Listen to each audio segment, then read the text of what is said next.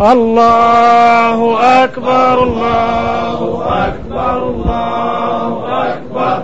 لا إله إلا الله الله أكبر الله أكبر. ولله الحمد الله أكبر الله أكبر الله أكبر. لا إله إلا الله الله أكبر الله أكبر. ولله الحمد. الله أكبر كبيرا والحمد لله كثيرا. وسبحان الله بكرة وأصيلا. لا إله إلا الله وحده. صدق وعده ونصر عبده. وأعز جنده وهزم الأحزاب وحده. لا إله إلا الله ولا نعبد إلا إياه. مخلصين له الدين ولو كره الكافرون. اللهم صل على سيدنا محمد وعلى آل سيدنا محمد. وعلى أصحاب سيدنا محمد وعلى أنصار سيدنا محمد وعلى أزواج سيدنا محمد وعلى ذرية سيدنا محمد وسلم تسليما كثيرا. الله أكبر الله أكبر الله أكبر الله أكبر. الله أكبر. الله أكبر. الله أكبر. الله أكبر. الله أكبر. الحمد لله. الحمد لله رب العالمين. يا رب لك الحمد حمدا كثيرا طيبا مباركا فيه كما تحب وترضى.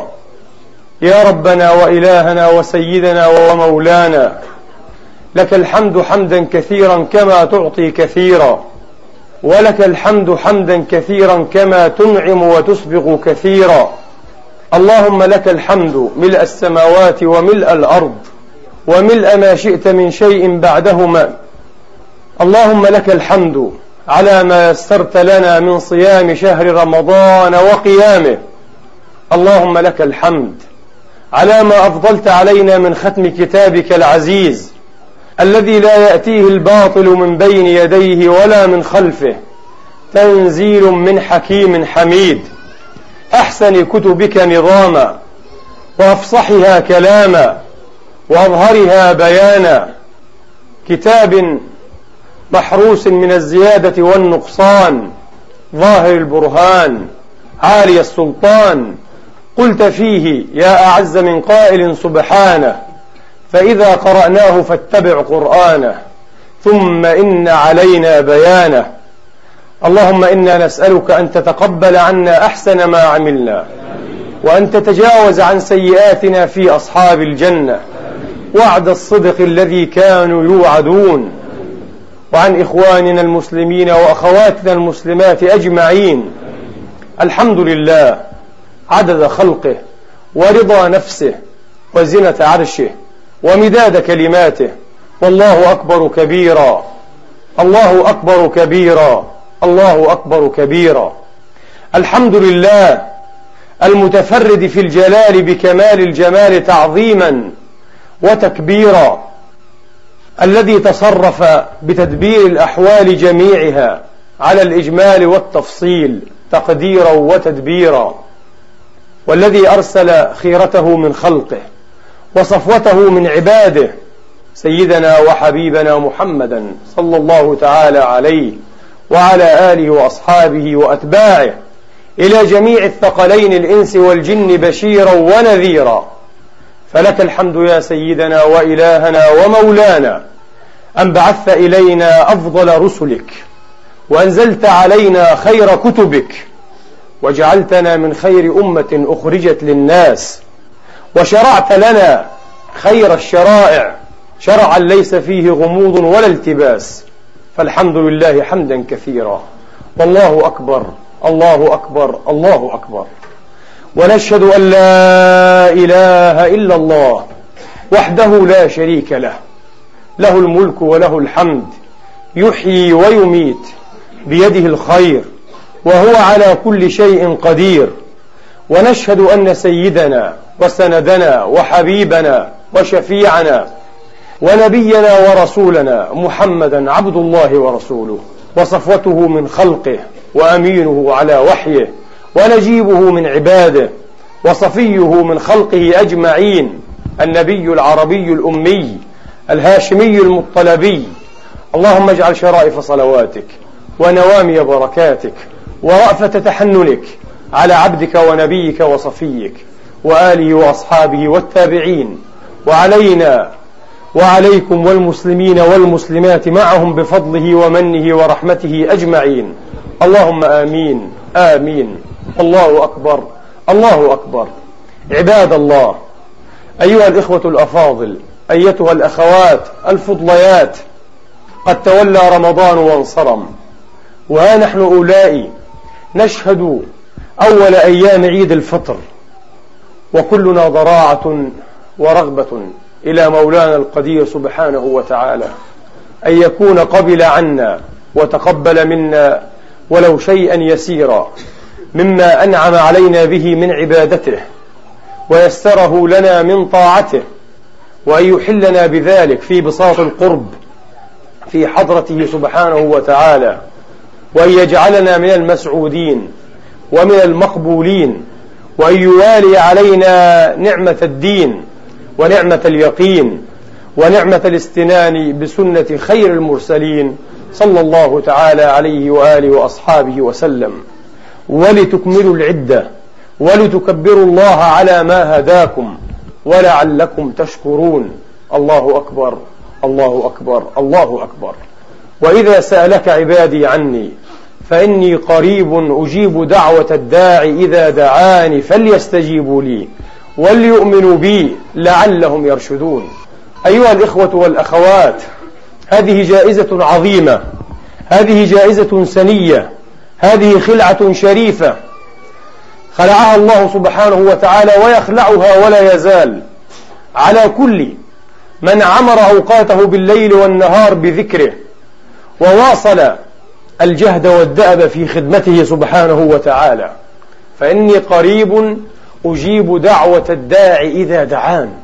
وكأن هذه الخلعة وكأن هذه الجائزة لا تتيسر لأحد ما تتيسر للصائم إذا أكمل العدة. ومن هنا جعل الله تبارك وتعالى هذه البشرى الجليلة في آخر هذا السياق الأول من سياق آية الصيام. وإذا سألك عبادي عني أيها الإخوة حري بالمؤمن حري بالمؤمنة الصائم والصائمة إذا تحقق بالصوم على وجهه أن يقترب من الملأ الأعلى أن يصير من الذين ينادمون أولئكم الملأ الأعلين أن يصير من الذين يؤذن لهم بالجلوس والقعود على بساط الجلال في الحضرة العليا في حضرة الملك الفرد الأحد. الصمد لا إله إلا هو حري به أن يلبى إذا دعا وأن يعطى إذا سأل وأن ينصر إذا استنصر وأن يغاث إذا استغاث. ولكن أيها الإخوة ما بالنا؟ نرى منا من يدعو ولا يستجاب له. ولعل الكثيرين ولعل الكثيرين على هذا النعت وعلى هذا الوصف. إن العيب والخلل منا. لا من المفيض لا من صاحب النعم السوابغ الذي يبتدئها قبل استحقاقها سبحانه وتعالى. سئل الإمام إبراهيم ابن أدهم رحمة الله تعالى عليه رحمة واسعة. قيل له يا إمام أليس الله سبحانه وتعالى يقول وقال ربكم ادعوني أستجب لكم؟ فقال نعم. فقالوا فما بالنا ندعو ولا نرى الإجابة؟ قال لأنكم تدعون وقلوبكم ميتة. قالوا فما الذي أماتها؟ قال جملة خصال.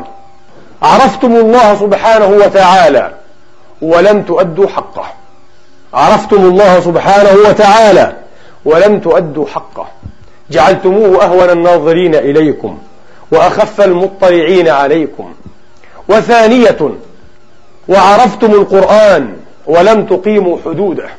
ونحن نسأل الله سبحانه وتعالى أن يجعلنا من الذين يقيمون حروفه وحدوده لا من الذين يقيمون حروفه ويضيعون حدوده.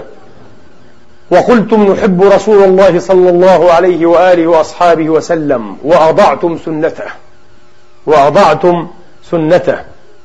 وسمعتم الله تبارك وتعالى يقول إن الشيطان لكم عدو فاتخذوه عدوا. فواطأتموه على معصية الله وسخطه. على عكس ما أمر الله فأنا يستجاب لكم. وزعمتم أنكم تخشون النار وقد أرهقتم أبدانكم فيها. وقد أرهقتم أبدانكم فيها. فنحن أيها الإخوة إلا من رحم الله وقليل ما هم نسأله ونضرع إليه أن يجعلنا من هؤلاء القليل. نحن أيها الإخوة والأخوات نزيد اشتعالها. نؤرث هذه النيران. نزيد اشتعالها واتقادها بالمعاصي والذنوب في الغدوات والرواحات في الأصابح والأماسي والعياذ بالله. وزعمتم أنكم ترغبون في الجنة ولم تعملوا لها. وقلتم إنكم تخشون الموت ولم تحسنوا الاستعداد له. فهذا الذي أمات قلوبكم. وحجب دعوتكم عن ربكم فدعوتم فلم تروا الإجابة. أيها الإخوة والأخوات كان صهيب الرومي رضي الله عنه وأرضاه يقول ما أكرم ربنا لو أطعناه ما عصانا. العبد إذا سار تحت ربه كما يقال كما ينبغي كما يحب الله ويريد أعطاه الله قبل أن يسأل ولباه قبل أن يدعو وكفاه كل ما أهمه من أمره وأحسبه فهو حسبنا ونعم الوكيل. كفاه وأحسبه ونصره ومكن له وأظفره بكل عدو وماكر وكائد وحاسد. لكن إذا سار كما ينبغي كما يريد الله تبارك وتعالى. يا حسرة علينا ويا حسرة على العباد أيها الإخوة. أين يذهب بنا عن باب العز كله؟ عن باب المجد كله؟ عن باب الملك كله؟ عن باب النصر والفتح والفيض؟ عن باب العطاء عن باب الطمأنينة والسكينة عن باب الحب والقرب والود. كل هذا وكثير سواه أيها الإخوة هو عند الله تبارك وتعالى. وما بيننا وبينه إلا أن نستفتح الأبواب والباب لا يفتح إلا لصادق الطلبة. صاف النية ماضي العزم على طاعة الله والإخلاص له سبحانه وتعالى. ما أكرم من أطاع الله. وما أهان وما أذل وما أضعف وما أحقر وما أدحر من عصى الله تبارك وتعالى. رأيت الذنوب تميت القلوب وقد يورث الذل إدبانها وترك الذنوب حياة القلوب وخير لنفسك عصيانها. اللهم اجعلنا ممن يدأب في طاعتك ويتناهى عن معاصيك. اللهم آمين. أيها الإخوة يقول أحد الأسلاف المباركين علي ابن أبي حزورة يقول أقعدت أمي وأفلجت. كانت قاعدة لا تستطيع أن تقف على رجلين. أقعدت أمي وأفلجت نحوا من عشرين سنة. ولما سمعت بهذا الرجل الصالح يعني الإمام أبا عبد الله أحمد بن حنبل رضي الله تعالى عنه وأرضاه وقدس الله سره. انظروا إلى عز الطاعة أيها الإخوة. انظروا كما قلت إلى المجد والملك كله والود كله. لما سمعت بهذا الرجل الصالح قالت يا بني أغدو إلى هذا الرجل الصالح فاطلب منه أو أطلب إليه أن يدعو الله لي فلعل الله تبارك وتعالى يستجيب. قال قلت أفعل يا أماه إن شاء الله. قال فغدوت إليه في بيته فطرقت عليه الباب وكان في الدهليز فقال من بالباب؟ قلت أنا. من أحبابك وتلاميذك يا أبا عبد الله.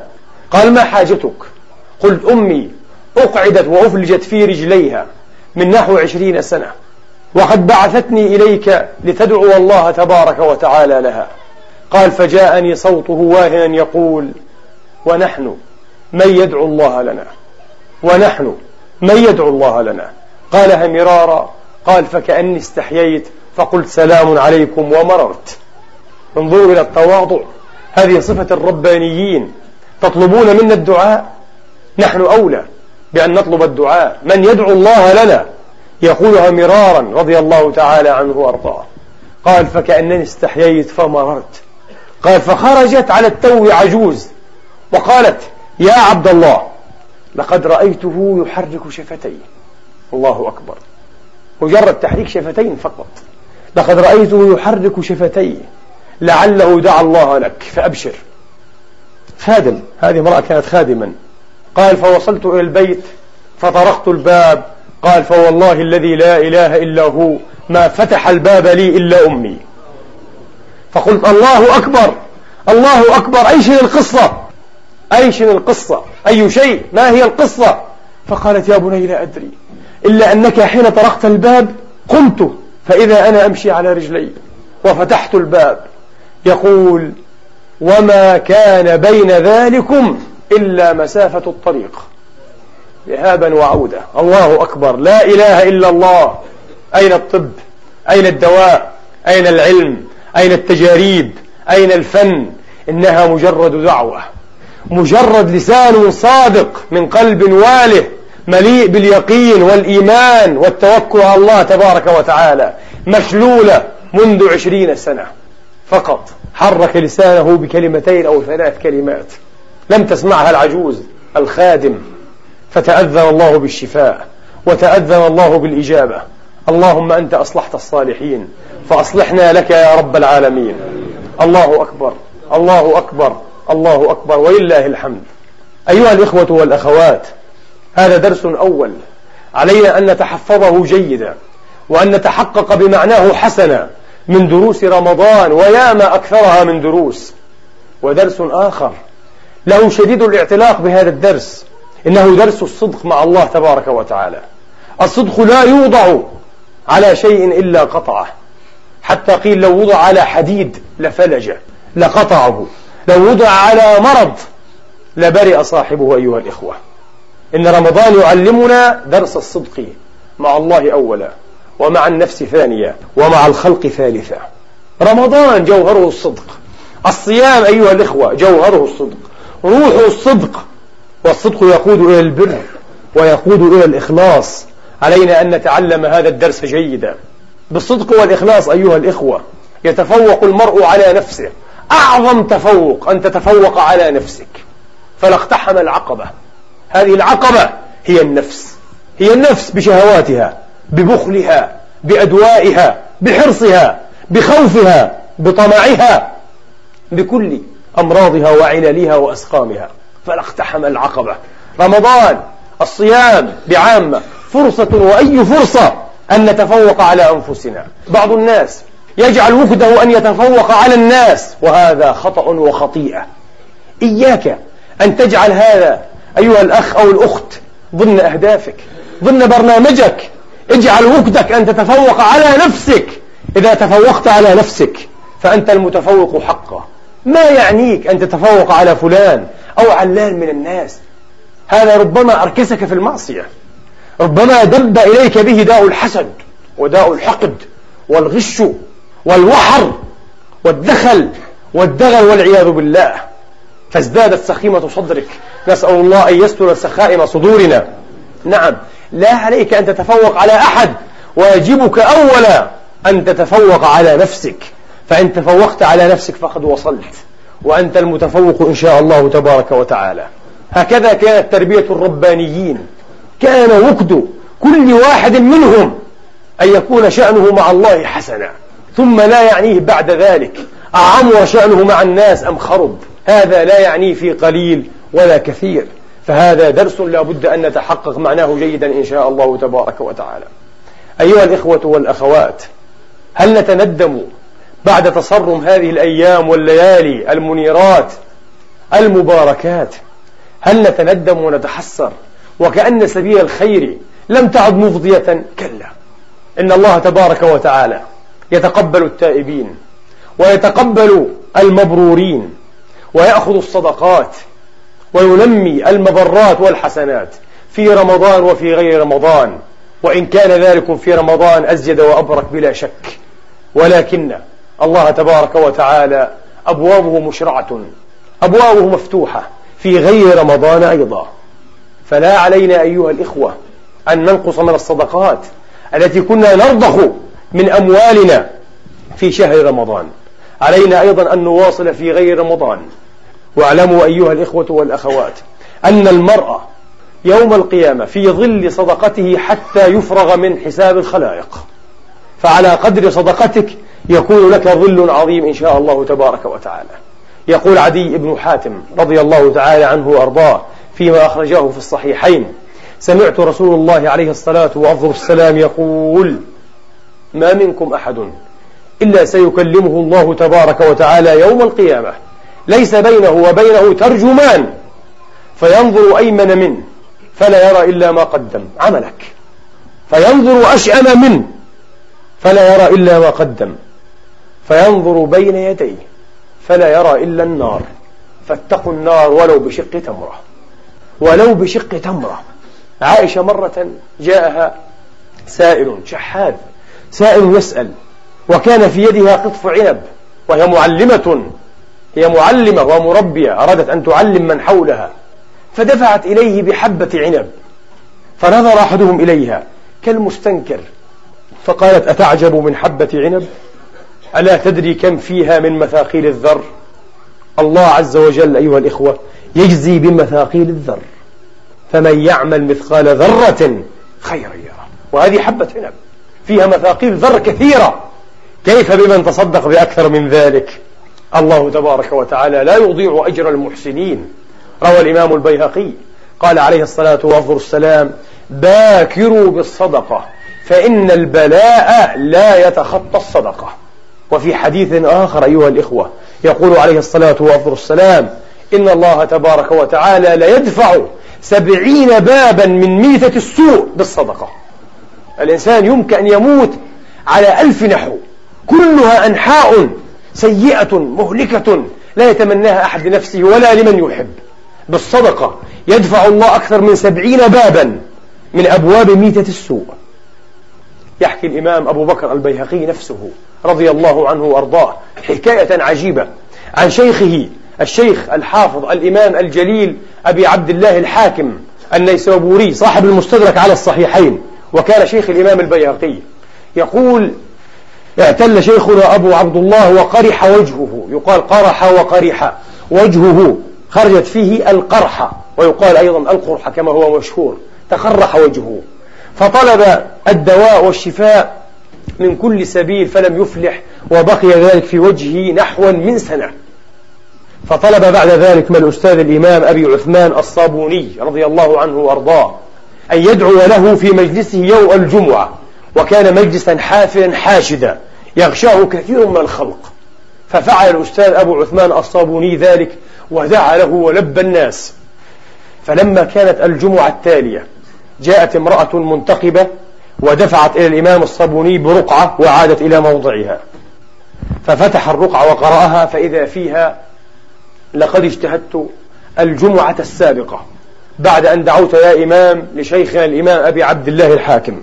اجتهدت في تلك الليلة أي ليلة السبت في الدعاء له. فلما نمت عرض لي رسول الله عليه الصلاة والسلام نساء صالحات ما شاء الله. طالبات علم. يرين الرسول هنيئا لها. عرض لي رسول الله عليه الصلاة والسلام في المنام. فقال لي يا أمة الله قولي لأبي عبد الله الحاكم يوسع الماء على المسلمين. فهذا شفاؤه. الصدقة. بذل الخير بذل المعروف. طبعا الماء في تلكم الأعصار لم يكن متيسرا تيسره في هذه الأعصار. كل شيء أيها الإخوة إذا شح ونقص وأحوجت إليه ودعت إليه الحاجة فبذله صدقة عظيمة. فبذله صدقة عظيمة. الآن من أحوج ما نحتاج إليه ما هو؟ النصح الإرشاد الحكمة الكلمة الصادقة الكلمة المسؤولة الكلمة الأمينة. فبذلها من أعظم الصدقات.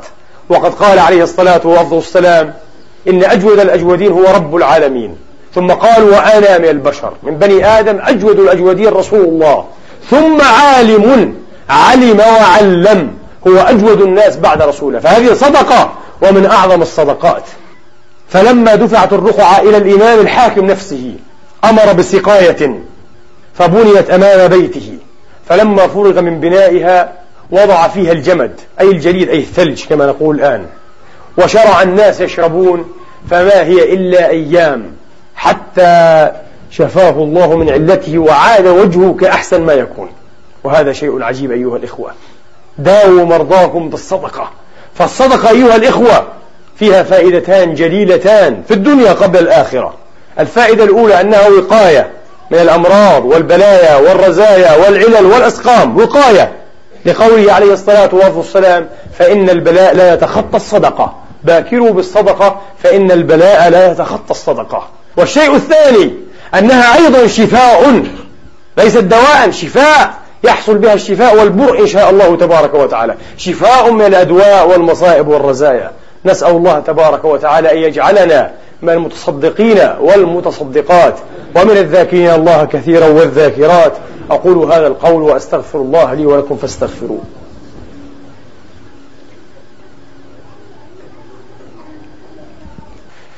الله أكبر الله أكبر الله أكبر الله أكبر الله أكبر الله أكبر الله أكبر. الحمد لله الحمد لله الذي يقبل التوبة عن عباده ويعفو عن السيئات ويعلم ما تفعلون. ويستجيب الذين آمنوا وعملوا الصالحات ويزيدهم من فضله والكافرون لهم عذاب شديد. وأشهد أن لا إله إلا الله وحده لا شريك له وأشهد أن سيدنا وحبيبنا محمدا عبد الله ورسوله صلى الله تعالى عليه وعلى آله وأصحابه وأتباعه وسلم تسليما كثيرا. أيها الإخوة والأخوات وبعد رمضان علينا أيضا ألا نخلي أنفسنا من أجر الصيام في غير رمضان. فلا أقل من أن نصوم الاثنين والخميس إذا يسر الله تبارك وتعالى. فإن كثر علينا ذلك وأجهدنا فلا أقل من أن نصوم ثلاثة أيام من كل شهر. وهي الأيام المعروفة بالأيام البيض أي بأيام الليالي البيض لأنها تكون في ليلة الثالث عشر والرابع عشر والخامس عشر حيث يصير القمر بدرا تاما بدر التم فتبيض الليالي. فقيل أيام الليالي البيض. هذه الأيام من صامها أيها الإخوة من كل شهر كأنما صام الدهر كله. لماذا؟ لأنها ثلاثة والحسنة بعشر أمثالها. ثلاثة في عشرة بثلاثين كأنه صام الشهر. إذا كأنه صام السنة إن شاء الله تبارك وتعالى. يقول عليه الصلاة والسلام صيام شهر الصبر وثلاثة أيام من كل شهر يذهبن وحر الصدر. الله أكبر. هذا دواء رباني. هذا دواء نبوي مصطفوي. من شكى في قلبه دغلا ودخلا والوحر أيها الإخوة هو الوساوس والغش والحقد وكل ما لا يستحسن أن يكون في قلب المؤمن والمؤمنة. من شكى من الوحر عليه أن يصوم رمضان وهذا مقطوع به وأن يصوم إلى رمضان ثلاثة أيام من كل شهر. إنها الأيام البيض إنها الأيام البيض.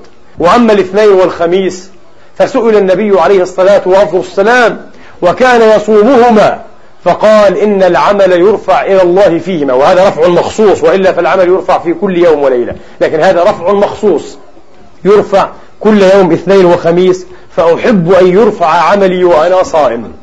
قال عليه الصلاة والسلام في حديث آخر وقد سئل عن صومهما فقال إن الله تبارك وتعالى يغفر للصائمين في هذين اليومين.